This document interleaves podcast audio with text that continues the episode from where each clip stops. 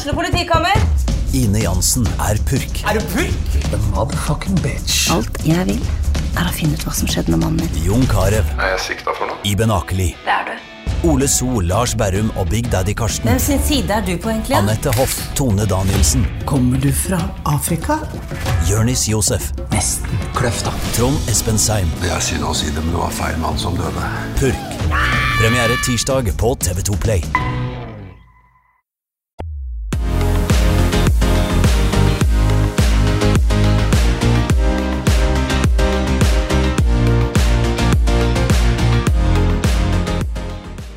Velkommen tilbake til eh, del to av Hva det går-episoden eh, med Gunnar Mo. Eh, denne gangen så blir det mye om Rana Gruber og det som eh, han har vært med på der. Eh, I forrige ukes episode så kunne dere høre ikke minst eh, en god del om hans friidrettskarriere, og også tida som lærer og i Rana Blad. Vi kjører i gang. Hvordan vil du beskrive deg sjøl som, som leder? Jeg tror at jeg, eh, jeg er glad i folk. Jeg, tror jeg har en betydelig grad av empati. Men jeg forventer mye av folk. Altså, jeg, gir folk stort ansvar og stor frihet. Men jeg forventer også at det skal leveres innenfor de grensene. Det vil si at hvis jeg, hvis jeg gir en, eh, folk som rapporterer til meg stor frihet, så forventer jeg også at de stiller opp når, når, når det forventes at de skal gjøre det. Uten så mye diskusjon. Eh, Og det har alltid gått, eh, gått bra. Så det å bygge gode team eh, rundt seg er kanskje min styrke. Og det tror jeg har litt fra, fra, fra idretten å gjøre. Altså, du, må, du må få helheten til å fungere, ellers ellers blir det ikke bra. Så det, jeg tror nok kanskje det eh, At jeg tror jeg er ganske flink med folk, og det hjelper mye. Det, det, det er ikke alltid at en ingeniør nødvendigvis er en god leder. Um, så det å ha pedagogisk bakgrunn tror jeg hjelper. Ha litt bakgrunn fra HR-sida eh, i, i, um, i tilnærminga til å være leder, det tror jeg er lurt. Så, um, så, så er det mange som er uenig i det, da, men det er i hvert fall min lederstil. Ja. Det å få bygd eh, Så jeg sier det at du må alltid ansette folk som er bedre enn deg sjøl, og i mitt tilfelle så er det ekstremt lett. ja. ja, det skal du ikke si. Ehm, men du havner jo da i, i eh, Rana Gruber. Eh, hvordan skjedde det, og hvordan var den over, overgangen? Ja, det er nok den største overgangen jeg har opplevd. Um, det er jo sånn at um, Jeg visste jo at Rana Gruber var til salgs, og jeg, jeg dekte og jeg var så delvis som journalist og nyhetsdirektør og dekte en ganske tøff prosess med at eh, de ansatte i Rana Gruber skulle selge bedriften eh, ute i markedet. Det var mye intern strid mellom eh, ansatte og ledelse, og det var en del Ja. Og så ble det um, Skulle personalsjefen i Rana Gruber pensjonere seg, og jeg ble kontakta av et, um, et bemanningsbyrå, da, Uh, om jeg kunne tenkt meg til å stille på intervju til den jobben, og jeg skjønte jo ikke hvorfor. Em, men jeg um, tenkte på at hva, hvorfor det, da? Og så fikk jeg noe, noen tilbakemelding på hvorfor de har eh, ment at jeg kunne være en sånn kandidat. Eh, og så var det jo en tid der at jeg, kjente, jeg var litt sliten, da, eh, som i nyhetsdirektørstolen. Um, så jeg stilte nå på intervju. Var innom på et par intervju, intervjurunder. Og, um, og så fikk jeg tilbud om jobben. Og så, og da, som eh, når jeg hoppa av forrige gang, så fant jeg at ja, hvorfor ikke? Um, jeg tar sjansen. Men det var en enorm overgang. Det var en enorm overgang. Det, det, det må jeg si. Ja. Det er klart at det, det er jo ikke så enkelt å komme inn i en, en, en, eh, historisk gammel bedrift som på det tidspunktet var en helt annen bedrift enn det vi har i dag. Eh, eh, Og med min bakgrunn å skulle gå inn og, eh, og ta en av topplederjobbene i bedriften, det var ikke, det var ikke noe enkelt. Så, og det her var i jeg begynte jo der i september eh, 2007, eh, og det var jo midt i, da var jo bedriften til salgs. Og jeg fikk jo en helt sentral stilling med å eh, Styrelederen da, Per Bakken, kom av og sa at av forskjellige årsaker så må du faktisk ta prosjektlederjobben med å selge den bedriften. Og, og selge en bedrift som du ikke kjenner noen ting om. på kort tid, det skal jeg si var en, litt av en eh, prøvelse. Men eh, du kom deg, du kom deg gjennom det? Ja, jeg husker jula 2007. Da, da var, var, direktøren sykemeldt, eh, og vi var midt i en såkalt due diligence-prosess. Skulle forberede materialet, sette i permer underlag. Og så skulle da den aktøren som da var i sluttfasen, dvs. Si LNS, gjennomføre en due diligence nede på Meigården hotell. og alt materialet måtte settes inn på et rom og kategoriseres, og, og det brukte jeg den jula til. Um, det var, det var det er klart På det tidspunktet så hadde jeg jo svært liten kunnskap om eh, jernmalmproduksjon og hva som trengtes av underlag. så eh, det var, det var, ikke sånn å forstå at jeg gjorde det alene, men jeg måtte kategorisere det. Så det var jo masse folk i bedriften som hjalp meg med det. Men eh, jeg skulle liksom systematisere det her, og, og delta selvfølgelig på, på møtene med LNS-ledelsen. Så det var, det var, um, heftig, det var en heftig start det første halvåret. Ja, det vil jeg tro. Men uh, du må jo ha gjort noe rett, for, for du, du gjorde jo lynkarriere og blir jo etter hvert fast uh, som, som, administrerende direktør. Så du må jo ha lært fort.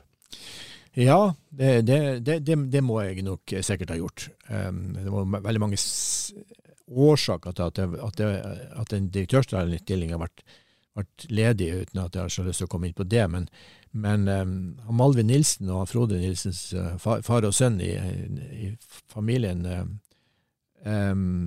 også, etter, også da var det en intervjurunde når den stillingen ble ledig. Um, og De ønska at jeg skulle søke, og så sa jeg at jeg kan godt stille på intervju.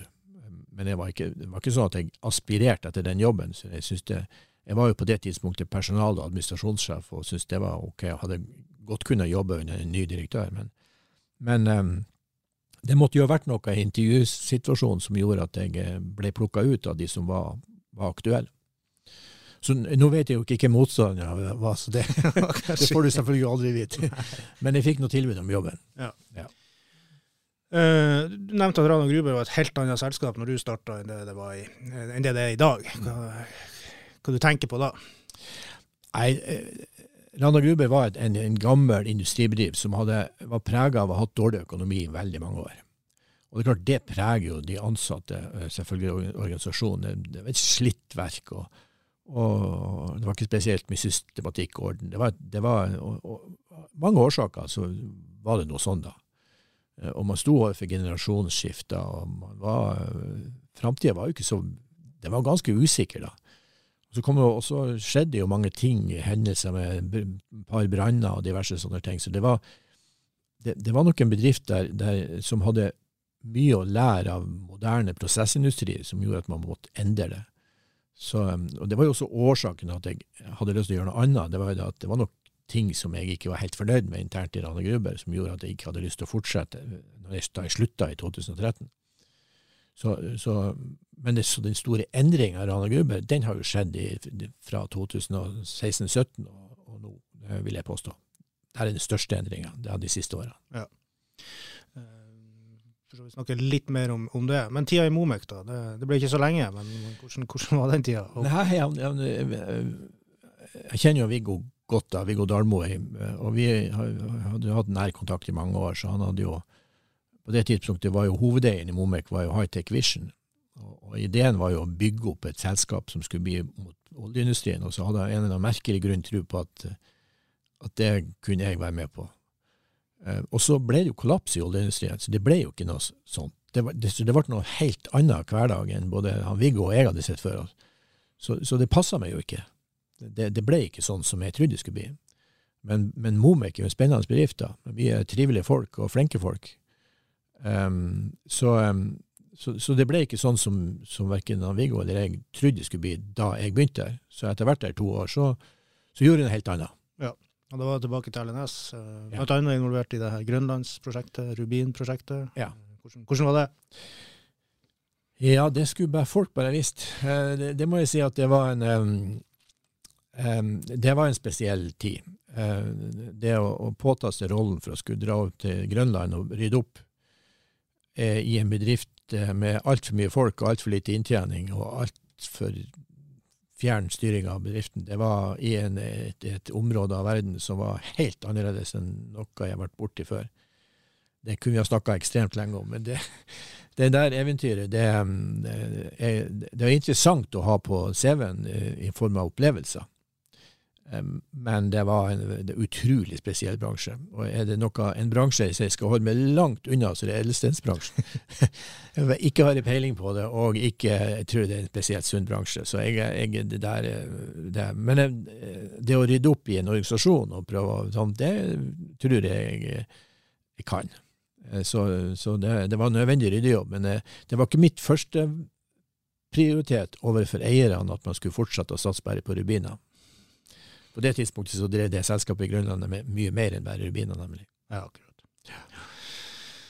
Uh, hvor mye reising var det? Altså, hvor mye var du på, på Grønland? Nei, det var, Jeg var ganske mye der i den perioden, som varer, på, varer vel et års tid. Der var jeg Første gang så var jeg vel der i åtte uker i, i strekk, og det var spesielt, for å si det mildt. Eh, det var jo sånn, I perioder så var det jo så dårlig vær at jeg kom jo ikke fra der jeg bodde til kontoret engang, for var, alle veier var stengt. Hvor langt var det? Ja, det var sånn 500-600 meter, men det var, så, det, var så, det, var, så, grusomt vær og dårlig at det var farlig å dra ut. Så det var, det var, Men det var jo også spennende, selvfølgelig, og uh, trivelige folk, og uh, utrolig Du får jo en internasjonal så Du reiser jo på internasjonale events hele tida. Um, men, men, det var en tid Og så var jeg, var jeg på Moda noen uker, og i utgangspunktet så var det, jobba du så mye når du var i Grønland at du skulle jo da ta det med ro når du var Men, men det, det gjorde jo ikke. Så jeg, jeg jobba jo med andre ting da, for LNS. Ja. Eh, så, um, så og så etter hvert så, så, slapp jo jeg mer og mer Grønlandsprosjektet som oppfølging. Og så, um, så jobba jeg med for LNS med en restrukturering av LNS-selskapet. Satt i gruppa der eh, i en tid der, der LNS-selskapet sleit veldig mye. Så, så, jeg var nå med i gruppa der og jobba med det. Og fikk etter hvert um, ble forespurt om å gå inn som direktør igjen. Ja. Uh, og de siste årene så har det jo gått uh, så, det, så det suser. Ja. Uh, dere har jo også blitt børsnotert. Hvorfor, hvorfor var det viktig? Ja, det har en foranledning, og foranledningen var at eh, både hovedeier, altså LNS, og Rana Gruber sleit jo enormt økonomisk fra, fra 2015 og så, og så fram til høsten 2020. Eh, og da var du jo inne i en prosess med, med, med banken, altså DNB, der, der, begge de bedriftene var Jeg skal ikke si at de var satt under administrasjon, men det var ikke langt unna. Um, og, og, der du måtte kvitte, prøve kvitte med gjeld og, og, redusere kostnader og selge eiendeler i den grad man hadde det, og prøve å finne ny, ny finansiering.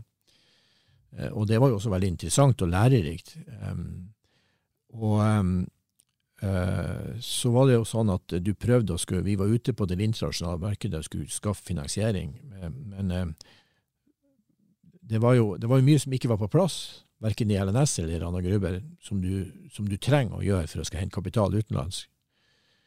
Eh, så vi lyktes jo ikke med, med, å hente en kapital som var nødvendig eh, utenfor eh, Norges grenser. Det kan man jo si at jeg er glad for i dag, da. Men en av de tingene som ble påpekt, det var jo det at som en veldig liten aktør i jernbanemarkedet, som Rane Gruber er, så det å drive med salgsarbeid for jernmalm i kanskje verdens største marked alene var enormt risikofylt. Det vil si at hvis vi hadde i praksis bare én eller ja, en og en halv kunde, og klart at hvis hovedkunden fikk problemer, så fikk jo vi problemer øyeblikkelig. Så det, det som jeg gikk til styret med eh, i, i, i 19 og sa at denne, eh, denne ja, og det, og det, og det var jeg kan si like før det, så, så har jo, så har jo eh, Adolfsen-guttene, Kristian og Roger Adolfsen, og de, Ben Eidisen og Even Karlsen kommet inn på eiersida. Gradvis og blitt større og større eiere av Rana Gruber. Og, og, det ble etter hvert gjennomført en emisjon i Rana Gruber som var viktig, sånn at du kom deg unna det bankens klør. Men når man da begynte å se på framtida, så så man det at en risiko med å sitte på salgsansvaret alene i, i verdens største bransje var ekstremt risikofullt. Så jeg gikk til styret og sa at vi er nødt til å gå sammen med enten en større aktør, eller så må vi få en avtale med en trader som tar ansvaret for å selge der, og som forsikrer oss. For, for hvis ikke så kan du risikere at, at vi må stoppe produksjonen og si opp folk fordi at vi ikke har salg.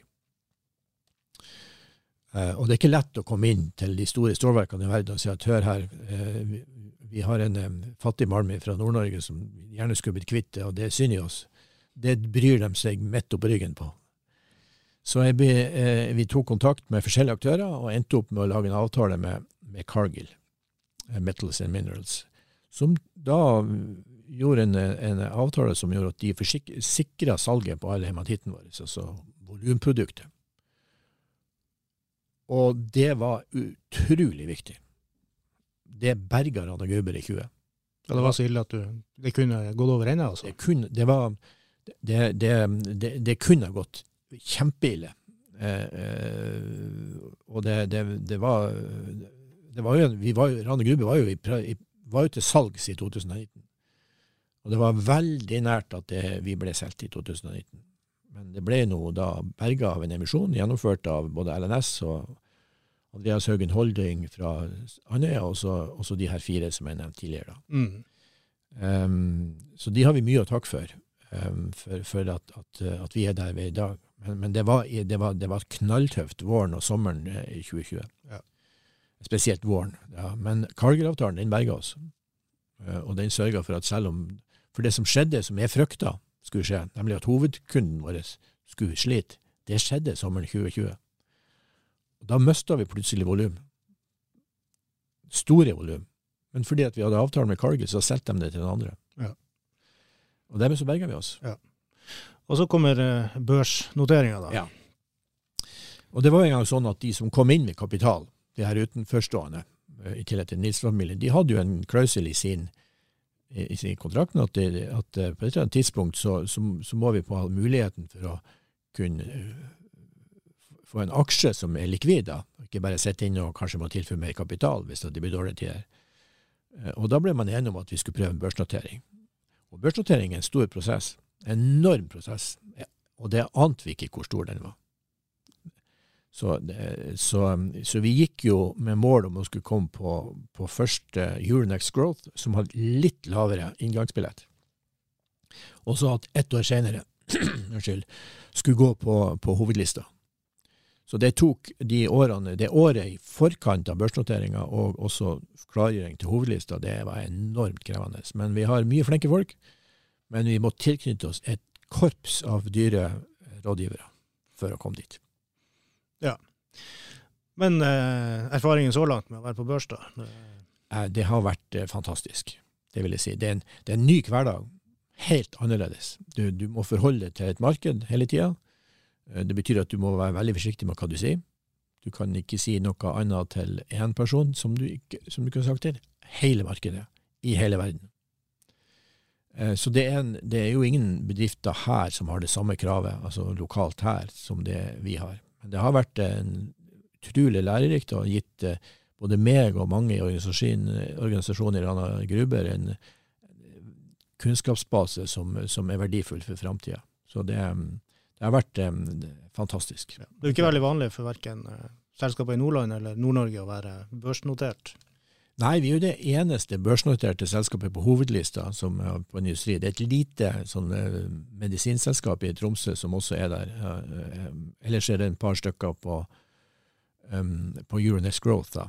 Men på hovedlista så er vi ganske alene som, en, som stort selskap med hovedkontor i Nord-Norge. Ja. Så det er jo absolutt, absolutt spesielt. Et annet sånn, sånn, stort grep uh, som dere jo gikk ut med, da, det var jo at dere skulle være um, utslippsfri, altså CO2, uh, i 2025. Mm. Klarer man det målet? Ja, altså, vi jobber mot det målet ennå. Hvis vi ikke klarer det, så skyldes det ikke oss. Da skyldes det at det utstyret vi trenger for å bli det, ikke er tilgjengelig tidsnok. Og det, det har vi ikke full kontroll på ennå. Så det, men, men innfasing av elektrisk utstyr og store maskiner som er elektrisk dreven, det er i full gang. For det har, det har skjedd mye på den fronten. Det har skjedd mye, veldig mye på den fronten. Og det er jo um, spesielt det som vi konsentrerer oss i første gang underjordsproduksjon og, og småbiler, sånn som gradvis fases ut og elektrifiseres av batteridrevet uh, utstyr. Uh, og, og her, vi, vi, var jo vi, vi har jo lave CO2-utslipp allerede i verden av, i, i vårt marked. Uh, men, men, vi har sagt at vi skal, vi skal lede veien for gruveindustrien og skal bli karbonfri. Og så rokker vi ikke på 25 før vi må eventuelt, men, men, men det ikke, skal ikke bli så mye om å gjøre. Nei. Eh, hvorfor er det viktig? Det er viktig av mange årsaker. Um, Fremstilling av stål, som vi er en del av verdikjeden til, er, det, er sånn det er en av de absolutt største synderne i verden på CO2-utslipp. Og det er nå engang sånn at, um, at, vi har et ansvar alle sammen for fremvoksende slekter å gjøre noe med klimagassene. Vi må få ned eh, det stygge fotavtrykket vi, vi, slipper ut i form av CO2. Og, um, så vi har et ansvar. Og det er den viktigste tingen. Eh, og så vet vi også det at eh, stålverkene trenger materiale med lavt CO2-utslipp for å få lavere eh, CO2-skatt.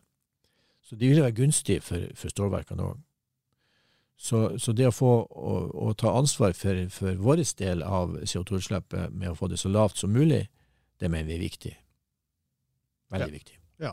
Men det er klart det er ikke mulig å drive industri uten at det påvirker natur og miljø. På, Nei, på, på, det er det ikke. Hvordan, hvordan, tanker, altså I dag er det jo en stor diskusjon om man bygger ned for mye natur. Hvilke tanker gjør du deg på, på den fronten? Altså Vi trenger jo også industrien for å for å produsere og, og leve. Ja, det, det, grønne skiftet, som jo vi alle er, eller de fleste av oss i hvert fall er enige om er nødvendig, er jo ikke mulig uten industrien. Så det er klart at industri og, og setter jo sine spor. Eh, men vi må jo se det i en større sammenheng. Eh, det er det at hvis vi skal kvitte oss med fossilt drivstoff, um, og, og, Norge som nasjon skal legge ned olje- og gassindustrien, som, som, som gir mange hundre tusen arbeidsplasser og enorme inntekter, så må jo de arbeidsplassene erstattes med noe. Og industri er jo en av de. Mineralindustri er en, en del av det. Eh, og, og, og, så må vi jo da akseptere at det har en, en, en, effekt i form av at det påvirker eh, arealer. Men vi må heller gjøre det på mest mulig skånsom måte. Og der er jo norsk eh, prosessindustri mineralindustri er jo best i verden på det. Så det, Vi mener jo at det er mer fornuftig at det skjer i Norge, enn at det skjer i land som overhodet ikke har kontroll på hvordan det gjøres. Så um, det, det, det henger sammen uh, i en stor sammenheng.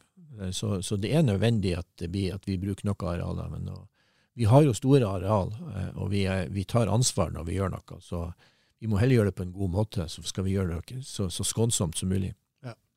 Hvordan er ditt forhold til natur- og miljøvernorganisasjoner? da? Dere ble vel på et tidspunkt, Det var vel i din første periode dere ble anmeldt av både Greenpeace og, og ja. Miljøvernforbundet? Ja da, og, og det, det, det, mener jo vi fremdeles var veldig usaklig og, og helt, basert på helt feil opplysninger. Um, jeg har ikke noe problem og, Naturorganisasjoner gjør en kjempeviktig jobb. Og unge folk som står opp for, for naturen og miljøet, er veldig viktig. Vi må ha press på oss. Det er bra. Det jeg savner av og til, er at man i hvert fall forholder seg til fakta og diskuterer fakta. Eh, så er det greit, men å bare slenge ut udokumenterte påstander og så diskutere derifra, det er slitsomt. Men, eh, men vi har nært samarbeid med f.eks. Bellona, som, som, er veldig seriøs, og vi, som, som jobber, eh, jobber for, å få, for, å se på helheten, og, og veldig faktabasert. Og det, vi, det er vi tilhengere av. Det, det, er bra.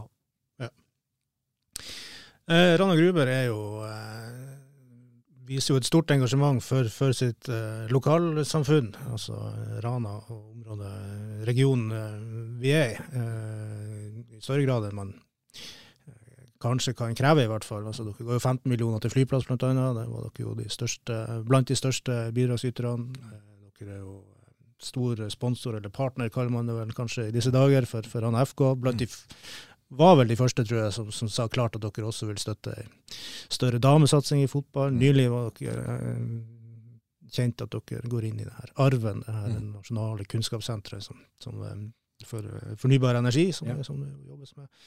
Hva, hva, er grunnen til at man tar det her, det her ansvaret? jeg, jeg, tror vi skal se det i sammenheng med, med de, den transaksjonen som har skjedd de siste årene. Eh, vi, vi har forandra hele bedriften og tankesettet på den måten at vi, vi må åpne opp bedriften utad.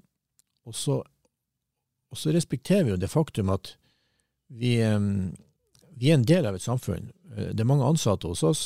Vi har vært heldige og flinke og skapt store verdier de siste årene, bl.a. gjennom børsnoteringer. Eh, og da skal eierne sitt. Eh, vi mener er rett og rimelig at samfunnet også at vi, vi, tar samfunnsansvar og er med på det for å skape et bedre samfunn. Eh, både for aktivitet for unge, for å få realisert flyplass, for å skape opplevelser, for å, for å bidra til sosial utjevning i størst mulig grad.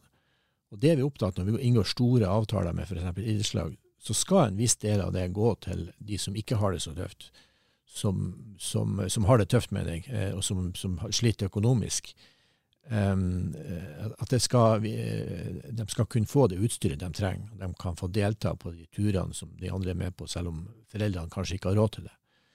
Um, og, det mener jeg er viktig.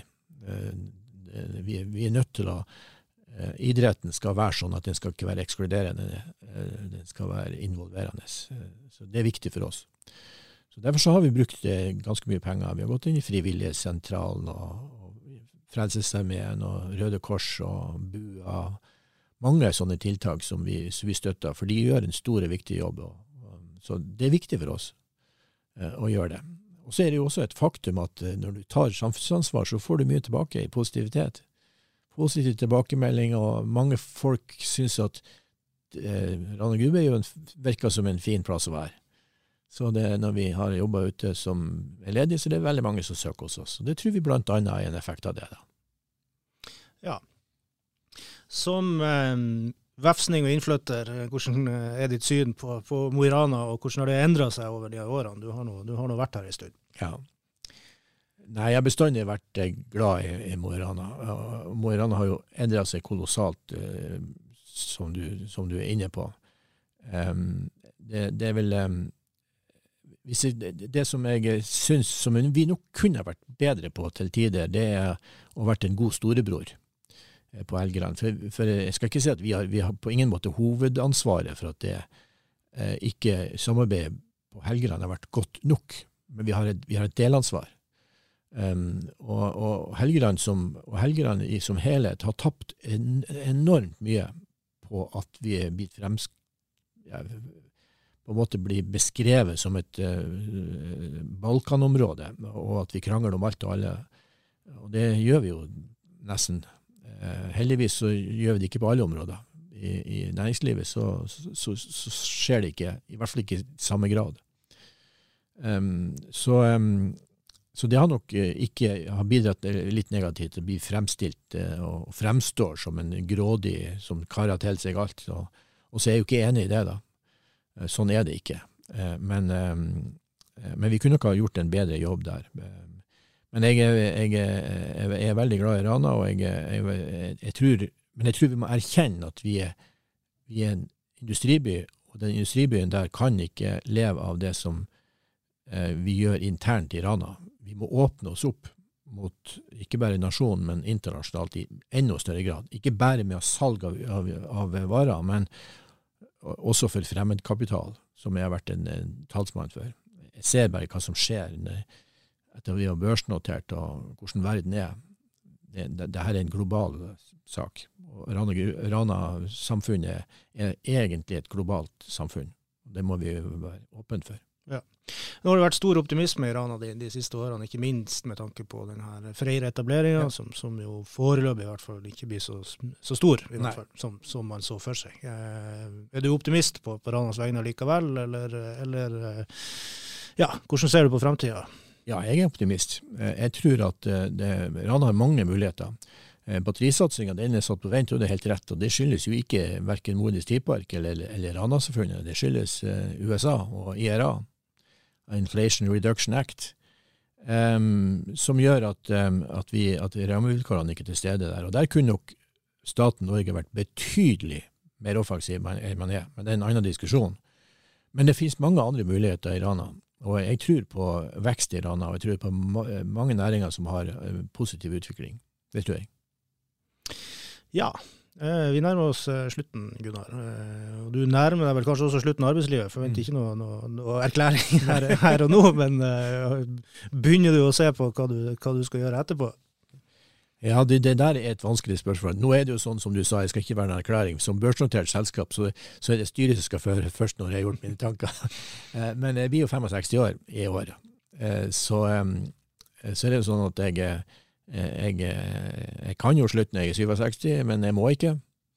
Eh, Så, så lenge styret vil jeg skal være i jobb, eh, så tror jeg jeg vil være i jobb. For at jeg, har jo, jeg har jo sagt det flere ganger, jeg er en utålmodig sjel. Jeg sliter jo voldsomt på å finne ut hva, jeg skal gjøre når jeg er pensjonist. For jeg har verken ikke strekka, jeg ikke eh, driver med noen hobbyer ellers, så, det, det er jo grenser for hvor mye du kan trene og gå på fjellet. Eh, Så jeg, bruker å si det til eh, de jeg jobber som en pensjonist, så skal jeg begynne dagen på Bimbo. Jeg gå fra Bimbo til Obs utpå formiddagen, så skal jeg avslutte på Fjordsenteret, så skal jeg gå hjem, og så skal jeg sette meg ned og skrive sinte leserinnlegg. Men eh, eh, det er mer en trussel enn det er noen en realitet. Ja, veldig bra. Det får, være, det får være siste ord, Gunnar. Tusen takk for at du kom til Rana Blad sitt podkaststudio. Tusen takk for at du fikk komme.